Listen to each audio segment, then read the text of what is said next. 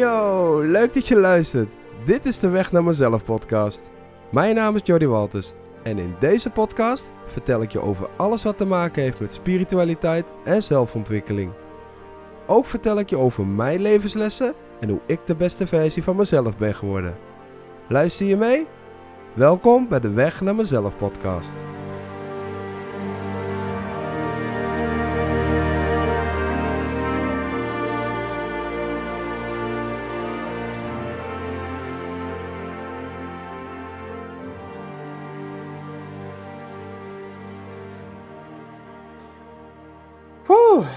Heb, eh, wauw, wat heb ik een week achter de rug, zeg.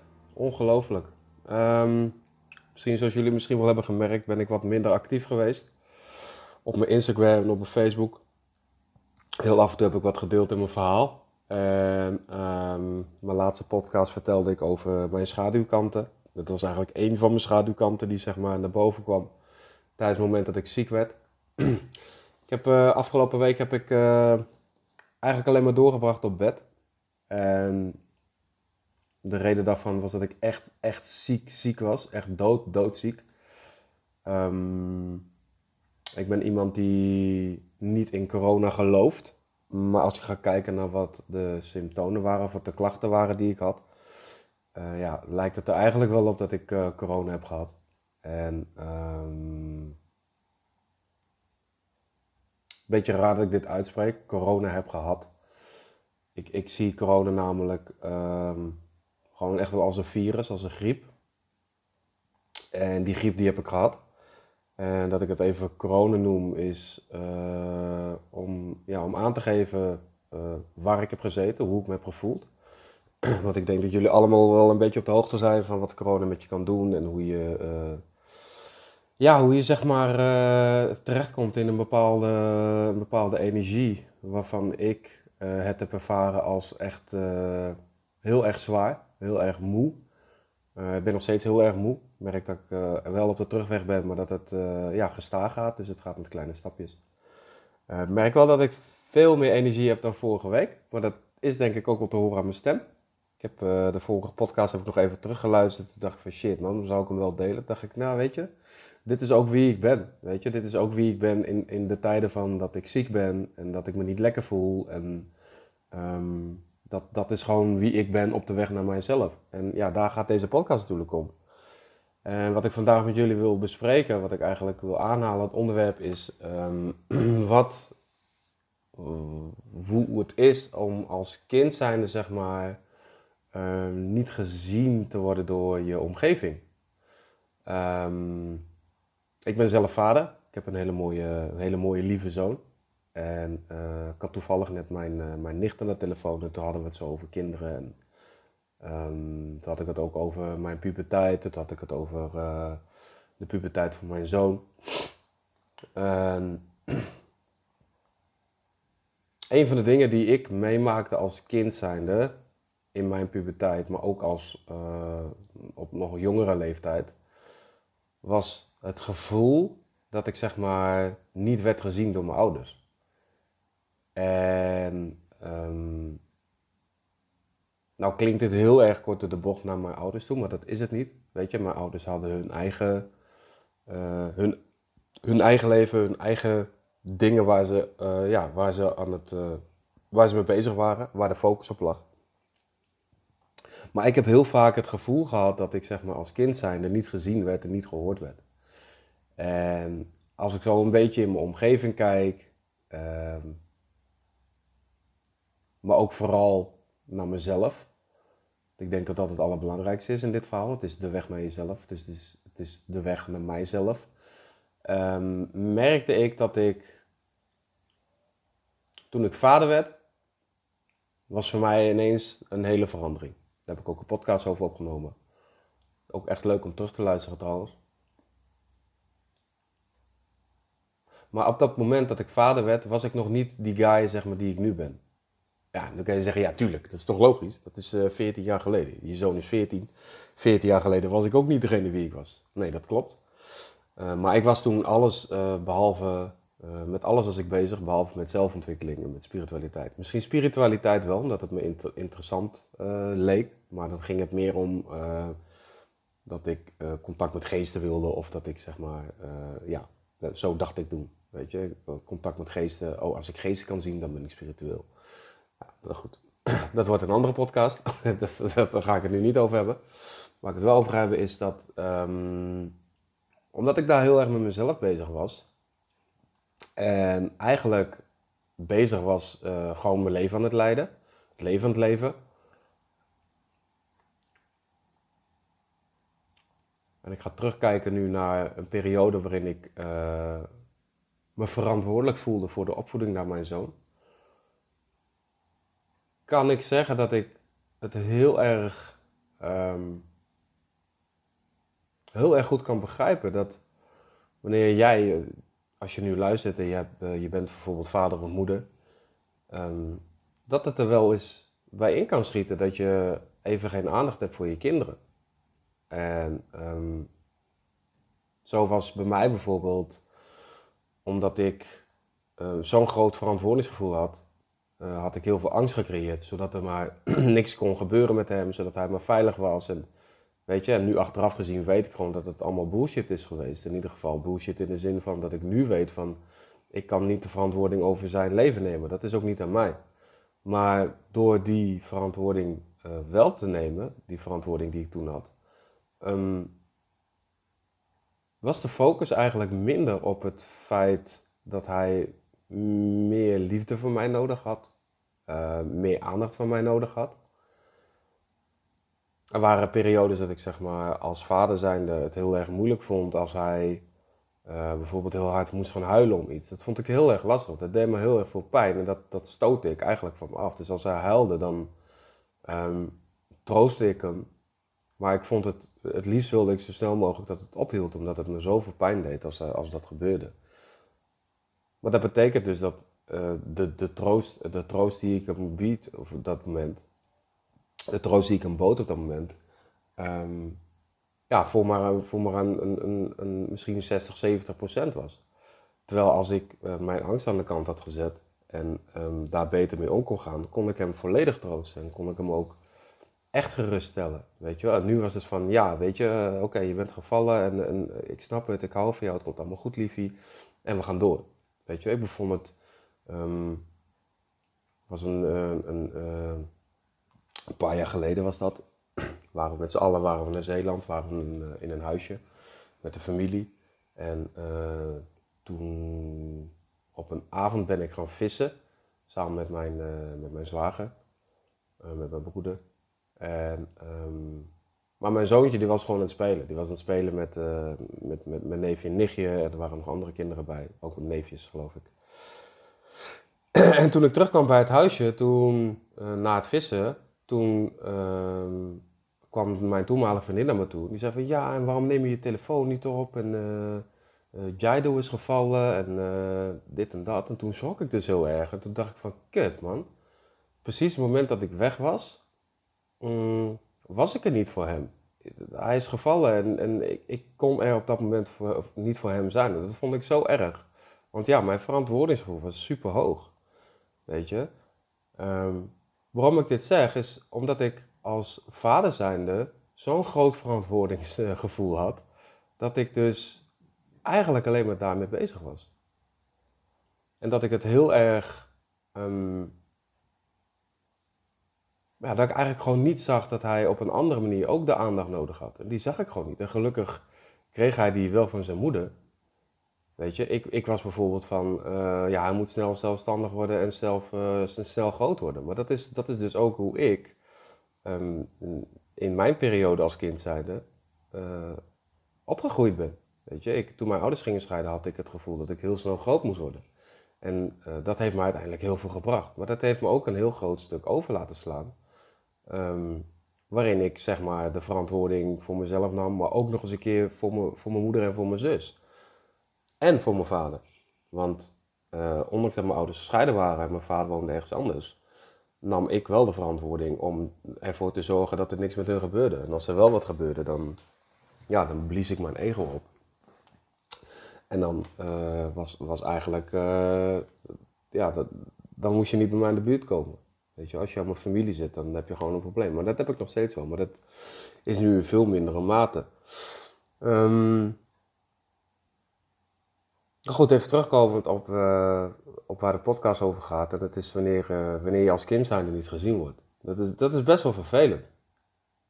Weet je, vaak schreeuwen we als kind schreeuwen we echt om aandacht. En um, als ouder zijnde zie je dan niet wat er echt nodig is, omdat je gewoon bepaalde prioriteiten trekt. En ik denk dat dat heel erg mooi is om als ouder zijnde door te geven aan je kind natuurlijk. Weet je wel? En um, als ik nu ga kijken wat voor een band ik met mijn zoon heb, is dat zo veranderd sinds, sinds ik ben gaan veranderen, sinds dat ik aan mezelf ben gaan werken, sinds dat ik um, nou ja, elke dag bezig ben om uh, een stukje uh, beter te worden, een betere versie van mezelf neer te zetten, elke dag weer. Um, begon ik ook ineens te zien wat mijn ouderschap was en wat mijn rol uh, als vader was in zijn leven. Op, um, op spiritueel niveau. op een gegeven moment kwam er een moment dat ik.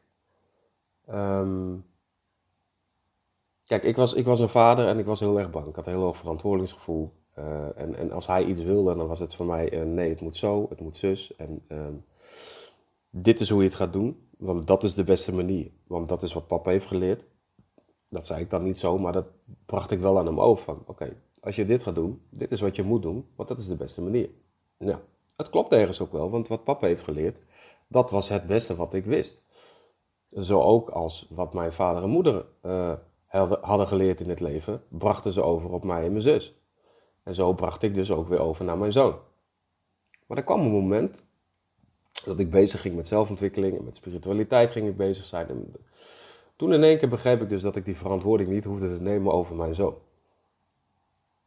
En omdat ik toen zo bezig was met zelfontwikkeling en, en, en met, uh, ja, met het veranderen, het doorbreken van patronen, merkte ik aan mezelf dat ik de angst los moest gaan laten om hem te willen controleren. Op het moment dat ik dat ging doen, uh, kwam ik in een, in een rit terecht waarin ik zoiets had van: oké, als ik de angst loslaat, betekent als ik de angst loslaat, betekent dat er meer ruimte is om uh, bijvoorbeeld te luisteren naar mijn kind, naar mijn zoon. Dan is er ruimte om te luisteren naar wat hij nou eigenlijk heeft te zeggen dan wat hij voelt en wat hij vindt. En um, ik merkte dat ik al eigenlijk in een bepaald stadium zat, of dat hij in een bepaald stadium zat, of wij met z'n tweeën, want het is toch een vorm van energie waar je met z'n tweeën in zit, waarin hij het heel erg moeilijk vond om zijn gevoelens te uiten. En toen heb ik mijn eigen echt voor mijn hoofd geslagen. En dat was echt toen ik net begon met mijn zelfontwikkeling en het veranderen. Toen dacht ik van, kut, maar wat heb ik aangericht? Wat ik bij hem zie, dat, is, dat was een kopie van mij. Weet je, ik, ik kon mijn gevoel ook heel erg moeilijk uiten. En um, ik ben zo streng naar hem geweest dat hij uh, de mogelijke kansen heeft gehad om zich wel te uiten, maar niet werd gehoord en niet werd gezien, omdat ik zo streng was. En toen heb ik mezelf echt een paar keer voor mijn kop geslagen, waarvan ik dacht van shit man, moet je kijken wat ik nu heb gecreëerd. Nou, ik was bezig met, met mijn zelfontwikkeling en toen zei ik ook tegen mezelf, weet je Jord, alles gebeurt met een reden. Laat ook dat los. Laat ook dat stukje los. Ga jezelf niet voor je kop blijven slaan, maar ga kijken hoe je het nu anders kan doen. En toen ben ik echt gaan luisteren en echt gaan kijken. Echt, echt me, en dat is misschien wel leuk om eens een keer bij je eigen kind uh, te gaan doen. Om echt te gaan observeren. Wat gebeurt er nou in dat manneke zijn hoofd? Wat gebeurt er nou? Wat, wat hij doet? Waarom hij dat doet? En, en uh, wat voor hem fijn is om te doen. En toen merkte ik ineens dat uh, daar waar ik dacht dat ik de slimste was thuis, merkte ik ineens hoe fucking slim hij is. En hoe fucking gewiekst. En um, hoe scherp en hoe sterk het is van hem om bij zichzelf te blijven. En mij te spiegelen op een manier waarop ik het nodig had. En dat spiegelen deed hij heel subtiel. En dat spiegelen deed hij eigenlijk op een manier waarin ik het niet zag aankomen. Dat zijn de mooiste spiegels. Weet je wel, dat zijn de spiegels waarvan je denkt van shit, weet je dit nou? Weet je wel? Is, is, dit, is, dit, is, dit echt wat je, is dit echt wat je tegen papa zegt op jouw leeftijd? En uh, toen, toen merkte ik ineens van, hey George, als je alles gewoon loslaat, je laat hem zijn leven leiden, hoe zwaar en hoe mooi kan je dan, hoe erg kan je dan genieten van wie hij is als mens, maar ook als ziel. En ik ben zelf een hele oude ziel. Maar deze jongen mijn zoon, die is, dat, dat is een mannetje die heeft, die heeft een nog oudere ziel. Die heeft nog meer wijsheid. Die heeft nog meer, weet je wel. En ik zat maar, ik zat maar in dit leven uh, te hameren op dat hij wijs moest worden. Dat hij goed zijn best moest doen op school. En dat hij, um, ja, gewoon de levenslessen die ik allemaal had gehad, die wilde ik helemaal voorkomen. Maar iedereen heeft zijn eigen levensles. En iedereen heeft zijn eigen, eigen pad natuurlijk. En, en het is zo mooi om te zien hoe je als uh, vader ehm, ja, je, je kind kan zien groeien. Weet je wel, ik heb uh, tijdens mijn ayahuasca-ceremonies, een van de ceremonies, heb ik meegemaakt dat ik. Um, ik lag op een matje en ik kreeg allemaal beelden door. En op een gegeven moment kreeg ik zo uh, het gezicht van mijn zoon te zien. Toen was hartstikke jong nog. En um, toen kreeg ik ook te horen van, hey Jord, als je hiermee doorgaat met wat je nu aan het doen bent, dan gaat er dit gebeuren. Toen kreeg ik zeg maar een hele, een, een, de hele rit van, van zijn jeugd tot aan volwassenheid, in een jaar of dertig, mid dertig, kreeg ik te zien hoe hij zeg maar veranderde als mens zijnde. Waarin hij met zijn pijnen kwam te zitten, waarin hij zich niet kon uiten, waarin hij niet wist waar hij heen moest met zijn leven, waarin hij niet uh, gelukkig was, waarin hij uh, in relaties niet zou slagen, noem maar op. En toen ook dat was voor mij een bewustwording waarvan ik dacht, shit, maar als ik dit, dit blijf doen wat ik nu aan het doen ben, dan, dan, ja, dan komt hij eigenlijk net zoals ik terecht. En dat wil ik niet, want ik wil juist verandering. Ik wil juist veranderen. Ik wil juist een, betere versie van mezelf worden. Niet alleen naar mezelf, maar ook naar anderen. Zo ook dus naar mijn zoon. En het moment dat ik daar losliet en dat ik echt ging luisteren en ging kijken naar, naar wie hij was en wie hij is en wat, wat voor hem belangrijk was, ja, kwam ik er dus toch echt wel achter dat hij, uh, dat hij bij mij heel erg moeilijk vond om zijn gevoel te uiten. En dat, um, dat heeft tot de dag van vandaag heeft het gewoon tijd nodig en ruimte nodig, waarin ik hem um, nu een opvoeding geef die heel erg vrij is. En um, ik kan alleen maar zeggen dat het heel erg positief heeft gewerkt en het werkt super positief voor mij. Weet je, soms zijn er wel ja, even wat dingetjes die besproken moeten worden tussen vader en zoon. Waarin ik zoiets heb van ja, dat, dat moet even gezegd worden, zowel van zijn kant als mijn kant. Want ik vind gewoon dat uh, hij zijn stem mag laten horen. Ik vind ook dat als hij mij nodig heeft, dat hij mij te alle tijden kan bellen. Het maakt niet uit wat het is. Al zit hij vast op het toilet met een stuk wc-papier aan zijn reet vastgescheten. Maakt mij echt niet uit. Weet je, het is en blijft mijn zoon. En dat is ook hoe ik hem opvoed nu. Dus ik ben eigenlijk van een vader die heel erg streng was en heel erg uh, gecompliceerd was, ben ik in één keer omgedraaid naar, uh, oké, wat wil jij? Wat wil jij met je leven? Wat wil jij met je leven? Wat, wat voel jij nu? Hoe voel jij je nu? Welke kant wil je uit? Wat zijn de dingen die je leuk vindt in het leven? En ik moet zeggen, hij is nu best wel echt wel een, een puber. Echt een luie puber. Want als het aan hem ligt, dan uh, gaat hij gewoon lekker de hele nacht gamen en dan wordt hij smiddags om een nieuw drie, vier wakker. Gun ik hem ook, hè? Dus begrijp me niet verkeerd. Weet je wel? Dat, dat is ook wat ik hem gun. Want um, de manier waarop hij connect met zijn vriendjes online. Ja, ik was vroeger altijd buiten. Weet je, ik connecte altijd met, met mijn vrienden buiten in plaats van online. En um, dit is gewoon de nieuwe generatie. Dit is de wereld waarin online gewoon uh, alles mogelijk is. Weet je wel? Uh, het connecten, maar ook met, met, met zijn neefje. Ik, ik weet gewoon dat hij elke dag met zijn neefje speelt. En dat ze elke dag contact hebben. Ja, dat is voor mij de wereld. Weet je, dat zijn voor mij dingen die ik zo belangrijk vind.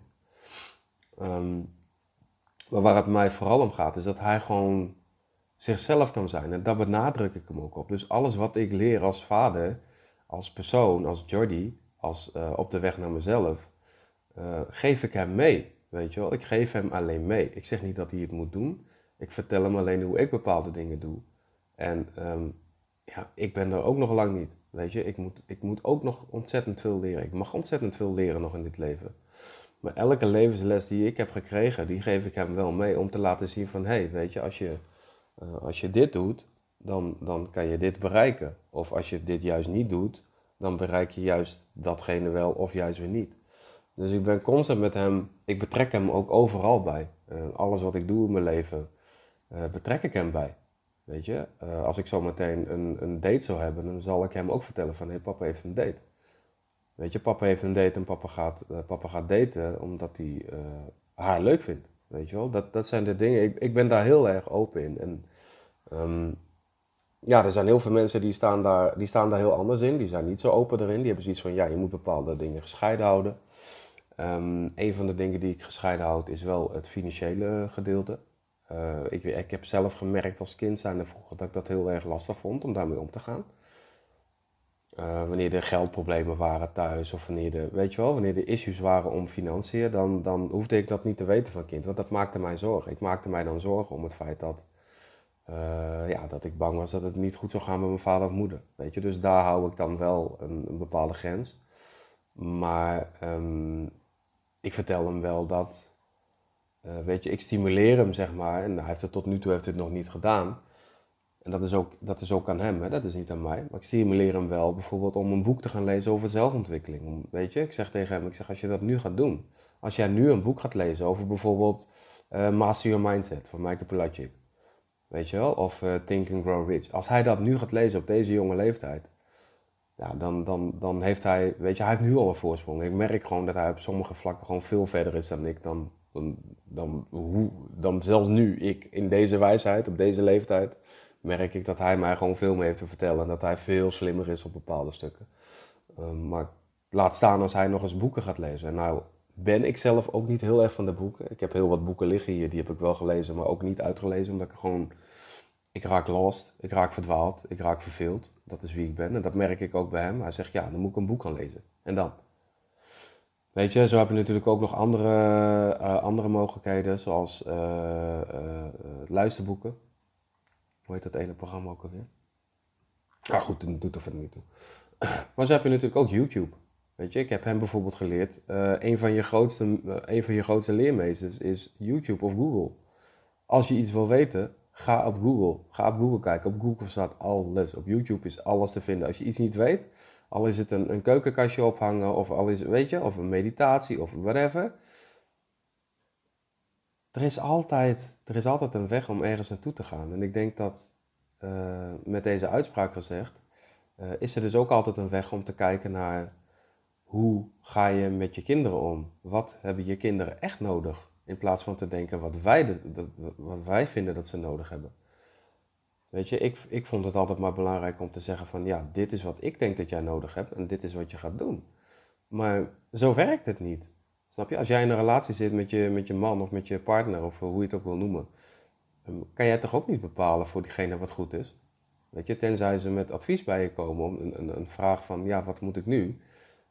Maar het is, niet, het is niet aan ons om te vertellen wat wel en niet kan. Weet je, uiteindelijk, tuurlijk wil je ze richtlijnen meegeven. Snap je? Tuurlijk is dat opvoeden. Opvoeden wil je ze gewoon bepaalde richtlijnen meegeven. Maar die richtlijnen zijn dan wel gebaseerd op regels vanuit hoe jij het hebt geleerd. En ik denk juist, en ik mag echt in mijn handen klappen met mijn zoon, en dat meen ik serieus. Ik heb de allerliefste puber van de hele wereld. Ik heb nooit woorden met hem. Hij helpt mij altijd in huis. Hij zorgt dat hij bezig is met zijn school, ook al vindt hij er geen ruk aan. Dat weet ik gewoon. Ik weet dat hij het doet om een bepaald, uh, bepaalde doelstelling te halen. Ik heb echt een geweldige zoon. Als ik, mee, als ik hem vraag om mee te gaan boodschappen te doen, doet hij dat. Als ik mee vraag om naar open oma te gaan. Hij heeft er niet altijd zin in, weet je. Dat merk ik gewoon, dat voel ik gewoon. Ik voel dat hij daar gewoon niet altijd zin in heeft, maar hij doet het wel. Hij gaat wel steeds, elke keer als hij er geen zin in heeft, betekent het wel als hij het doet, dat hij buiten zijn comfortzone gaat. En dat vind ik sterk. Ik denk dat, dat als je als, als ouder zijn, en ik mag echt met trots mag ik, uh, spreken hierover, um, ja, ben, ik, ben ik super trots dat hij dat soort dingen doet. Weet je, en dat ik ook super trots mag zijn op mezelf, maar ook op mijn ex. Dat uh, de opvoeding die we hem hebben gegeven, dat het zo zijn vrucht heeft afgeworpen op het feit wat, wat hij nu in zijn leven aan het creëren is. Weet je, en, en ja, hij, hij doet enorm, nou enorm. Hij, hij, weet je, door de week is het gewoon school en daarna mag hij geloof ik één of twee uurtjes gamen van zijn, van zijn moeder. Maar in het weekend mag hij gewoon doen wat hij wil. Tenzij hij school heeft. Weet je, als hij huiswerk heeft, eerst huiswerk, dat weet hij. Als het bij mij is en er is huiswerk, gaat hij eerst huiswerk doen. En die verantwoording die neemt hij ook. Weet je, en ik vind, uh, omdat het als kind zijnde in deze maatschappij al heel erg zwaar is, heel erg zwaar kan zijn, vind ik juist dat we als ouders zijn uh, hen moeten stimuleren om uh, te gaan doen waar ze, echt, waar ze echt blij van worden. Moet je kijken hoeveel kinderen er uh, gepest worden op school, waarvan de ouders niet eens weten dat het gebeurt, omdat er geen communicatielijn is tussen ouders en school of ouders en kind. Ik vind, ik vind dat heel erg erg. Weet je, en ehm, mijn zoon weet nu gewoon dat als de stront aan de knikker is, of hij wordt gepest of whatever, um, één, dat hij hem zelf moet gaan oplossen. Maar twee, als dit er niet uitkomt, dat hij mij te alle tijden kan bellen. Weet je, en, en in dat stukje zijn, zijn heel veel kinderen die, die weten dat niet eens. Die, die weten niet eens hoe ze hun ouders moeten benaderen, omdat de ouders zo druk zijn. En weet je, we leven ook in een maatschappij waarin ouders heel erg druk zijn, waarin ouders alleen maar gefocust zijn op werk, geld verdienen, uh, misschien wel een overlevingsmodus of heel erg buiten naar zich, niet naar zichzelf toegericht, maar naar, naar buiten toegericht. Um, weet je, het, is zo bizar hoe, hoe je als, als, als mens, als persoon, uh, als vader in mijn geval, uh, bezig bent met je eigen needs en met je eigen verwachtingen, met je eigen leven. Waarin je dan weinig tijd hebt om stil te staan en te kijken naar het leven van je kind. Weet je, en dat heb ik zelf als kind zijnde ook ervaren natuurlijk. Weet je, mijn ouders waren enorm druk met van alles en nog wat. Ze waren altijd maar druk bezig met werk. Altijd druk met werk. Altijd. Weet je, en, en daarbij moesten ze ook nog eens uh, keihard werken aan de relatie waar ze in zaten. Want die, die ging gewoon niet goed. Weet je, mijn vader en moeder, die hebben niet in een leuk huwelijk gezeten. Absoluut niet. Dat betekent dus, als je ergens in zit wat, wat, ja, wat niet goed gaat, gaat daar de focus heen, omdat je dan wil zorgen dat het wel goed gaat. Maar dat is zo vechten, dat is zo water naar de zee brengen, als het eigenlijk gewoon al jarenlang uh, dood en op is. Waarin je als ouder zijn dan gewoon vergeet om naar je kind om te kijken. En uh, don't blame mijn ouders, zo echt niet. Want ik heb echt de allerliefste ouders van de hele wereld. Dus we hebben echt hun best gedaan. Vooral mijn moeder en mijn vader. Die hebben, weet je, die hebben alles voor mij gedaan. Ik had net nog met mijn nicht erover. En toen zei, uh, toen had ik het over het feit dat mijn moeder gewoon altijd mijn broodjes smeerde. Ik heb tot mijn 25 heb ik thuis gewoond. En mijn moeder smeerde gewoon altijd mijn broodjes. Weet je. Uh, daar werd nooit over geklaagd, nooit over gezeurd. Mijn moeder deed dat gewoon. Hoe fucking lief is dat? Weet je wel? Hoe lief is het dat je, als je moeder dat doet voor je? Weet je, hoe fijn is dat als kind zijnde? Weet je, en uh, mijn vader die, die hielp mij ook financieel en ook gewoon met advies. Weet je, mijn vader was enorm goed in advies geven van ja, dit moet je dan doen en dat moet je dan doen. Weet je, en als puber kon ik dat niet altijd handelen, omdat ik gewoon zoiets van ja, what the fuck man, laat me met rust man, ik heb mijn eigen leven. Weet je, ik was meer een draak naar mijn moeder dan naar mijn vader. Mijn vader hoefde ik het niet te flikken. Maar ja, bij mijn moeder, daar leefde ik. Weet je, dat was voor mij gewoon, weet je, de meeste aandacht die ik nodig had, was van mijn moeder. En zo heeft mijn moeder uh, haar aandacht uh, moeten verdelen in haar leven, naar de kinderen, maar ook naar haar eigen leven, weet je wel. En dat, ik kan me voorstellen dat het als ouder zijn best wel lastig is om dat, uh, ja, om dat over te brengen naar, naar, naar een juiste balans voor jou, voor je gezin, voor, voor de kinderen, weet je wel. Maar ik heb, ik heb geleerd dat um, ja, door open te staan voor de mening van je kind, de open weet je, en ze hoeven niet van jou misbruik te maken. Want ik bedoel, een beetje mens voelt heus wel of het goed of slecht is wat er gebeurt. Weet je, en, en die heeft mij ook wel eens geprobeerd om, uh, weet je, een spelletje te spelen. Maar daar heb ik hem ook echt laten weten van, hé hey, luister vriend, ik weet niet waar je vandaan komt. Je komt uit je moeder, je bent een onderdeel van mij en van je moeder. En de grapjes die je nu speelt, die ken ik. Dus die hoef je bij mij niet uit te halen. Die hoef je mij niet te flikken. Want ik weet hoe ze werken. Weet je, en dan is er zo'n moment dat je bewust wordt en denk je, shit, hij heeft me wel te pakken gehad. Hij heeft me echt te pakken gehad. Dat ik dacht van, shit, hé, deze man is echt slim. En toen kon ik kiezen. Ik kon kiezen. Ik kon heel erg boos worden op hem. Of ik kon naar hem toe gaan en zeggen van, hé, luister bro, ik ben je vader. Maar deze grapjes flikken we niet in de familie. Weet je, deze grapjes flik je niet bij elkaar. Dat doe je niet. Weet je, en hij is natuurlijk ook gewoon aan het zoeken. Snap je? Hij is ook op avontuur. Hij is ook aan het kijken hoe ver kan ik gaan bij mijn vader. Wat kan ik wel, wat kan ik niet. Weet je, en ja, als ik daar gewoon uh, heel erg boos had gereageerd. En had gezegd, ja, dat kan je niet maken, dit, dat, weet je. Ik heb hem wel gewoon gezegd van, ja, ik ben nu eventjes, uh, deze, deze heb je wel vies gespeeld, man. Zeg ik je eerlijk. Weet je, waarop hij zei, waarop hij eigenlijk moest lachen en ik moest ook lachen. Ik denk, ja, je lacht wel, maar ja, dat is ook, weet je, dat is ook weer zoiets. Want ik lach omdat ik gewoon mezelf erin zie. Dat vind ik heel erg mooi natuurlijk. Maar ik wil hem wel vertellen dat je, uh, weet je, dat je wel met respect naar mensen toe moet gaan. Um, wel in de vorm dat je bij jezelf blijft en dat je gewoon eh, het voor jezelf doet en niet voor een ander. Weet je wel, ik had van de week had ik de vraag aan hem gesteld van, ehm, ja, hoe, hoe, hoe, sta je in het leven, weet je wel? Doe jij wel eens dingen voor andere mensen die, zeg maar, die je eigenlijk niet wil doen, maar wel doet? Dus dat is om na te denken. En toen zei hij, nou, eigenlijk niet. Wel bij jullie, bij papa en mama, weet je wel. En zeg, oké. Ik zeg, nou, dat is heel erg mooi, weet je. Ik zeg, want je leeft hier voor jezelf, je bent hier ook voor jezelf. En ik, ik zou echt uh, ja, er alles voor over hebben om jou dat mee te geven. Uh, dat je ook echt alleen maar voor jezelf gaat leven. Want dat is het allerbelangrijkste. En ik weet dat je nu in je puberteit zit. Ik weet dat je op zoek bent naar een bepaalde identiteit. En dat je uh, je grens aan het verleggen bent. Weet je, je hormonen spelen een rol, noem maar op. Maar doe het wel voor jezelf en ook bij papa en mama, weet je. Ik zeg, als wij jou iets te vertellen hebben waar jij het niet mee eens bent, kan je dat gewoon altijd zeggen, snap je? En zonder dat er een, een, een ruzie hoeft te ontstaan, kunnen we gewoon kijken naar wat voor middenweg we kunnen kiezen. Weet je, in sommige dingen ben je misschien nog te jong om te zeggen van ja, ik uh, bijvoorbeeld nu, uh, ja, pa, ik neem, ik neem je auto mee. Weet je, dat kan ik niet verantwoorden. Dat, dat kan ik niet doen. Snap dat, dat kan je jezelf ook niet verantwoorden. Dat kan je jezelf ook niet aandoen. Want als jij nu in mijn auto gaat rijden en je maakt een ongeluk, ja, dan, dan zijn we gewoon de sjaak. Dan ben je gewoon de lul. Weet je wel? En um, als het aan mij ligt, pak die auto, ga lekker rijden. Maar ja, we leven in een maatschappij met allemaal regels en dingen. En als er wat gebeurt, ik wil het niet mijn geweten hebben dat mijn zoon uh, iemand dood heeft gereden. Omdat ik zei van, nou ga lekker in de auto rijden, jongen. Veel plezier ermee.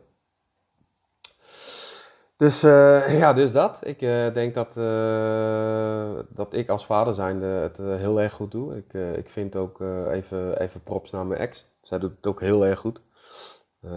qua opvoeding en qua ruimte geven en qua ruimte bieden. ik merk ook dat mijn ex en ik altijd wel sparren. Of als, als er iets is, dat, weet je, zij betrekt mij met alles. En dat vind ik wel erg fijn. Omdat ik natuurlijk niet altijd erbij kan zijn.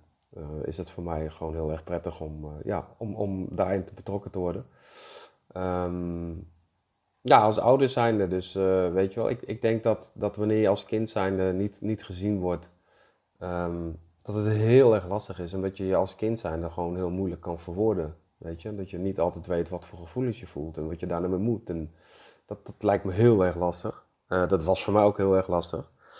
Um, ja, waarom ik deze podcast deel is eigenlijk om jullie mee te geven van, hey, weet je, je hebt, je hebt altijd de keuze, je kan altijd uh, veranderen, je? Ik, ik was ook heel erg uh, met, met regels en met, met uh, verantwoordelijkheidsgevoel die super hoog lag, waardoor de angsten ontstonden en noem maar op. Op het moment dat ik dat los heb gelaten, ik dus, kreeg mijn zoon kreeg dus ook ruimte en die zal, weet je, nu begrijpt hij ook van, oké, weet je, ik zeg ook al tegen hem, Weet je, als er iets is met papa, als er iets is wat papa doet bij jou wat je niet leuk vindt, moet je dat gewoon tegen me zeggen, weet je wel.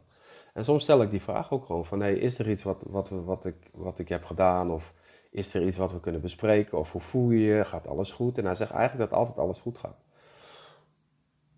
Soms beangstigt me dat nog steeds wel een beetje, omdat ik zoiets heb van, ja, maar het kan toch niet altijd maar goed gaan?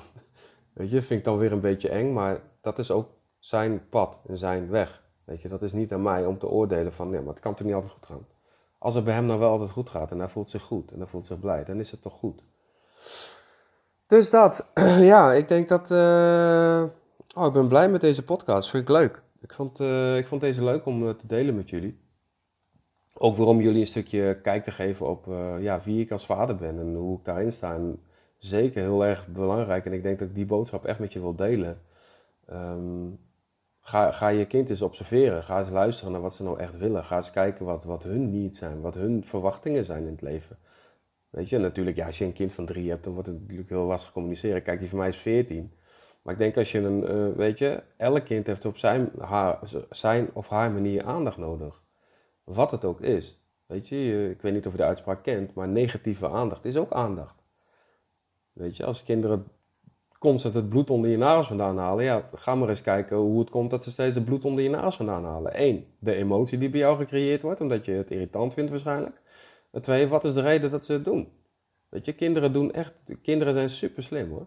Kinderen doen alles met een reden. Ze doen alles uh, om, om een bepaalde aandacht te krijgen, of een bepaald gezien te worden, of een bepaald gehoord te worden. Dat, dat zullen ze, met alles zullen ze, als ze tekortkomen in iets, en vaak is het de liefde en de aandacht, ehm, zullen ze er alles aan doen om die liefde en die aandacht te krijgen. En wat voor manier dat het ook is, als het alleen maar om aandacht gaat, dan zullen ze alles bij je eruit gaan trekken om die aandacht ook te, te krijgen.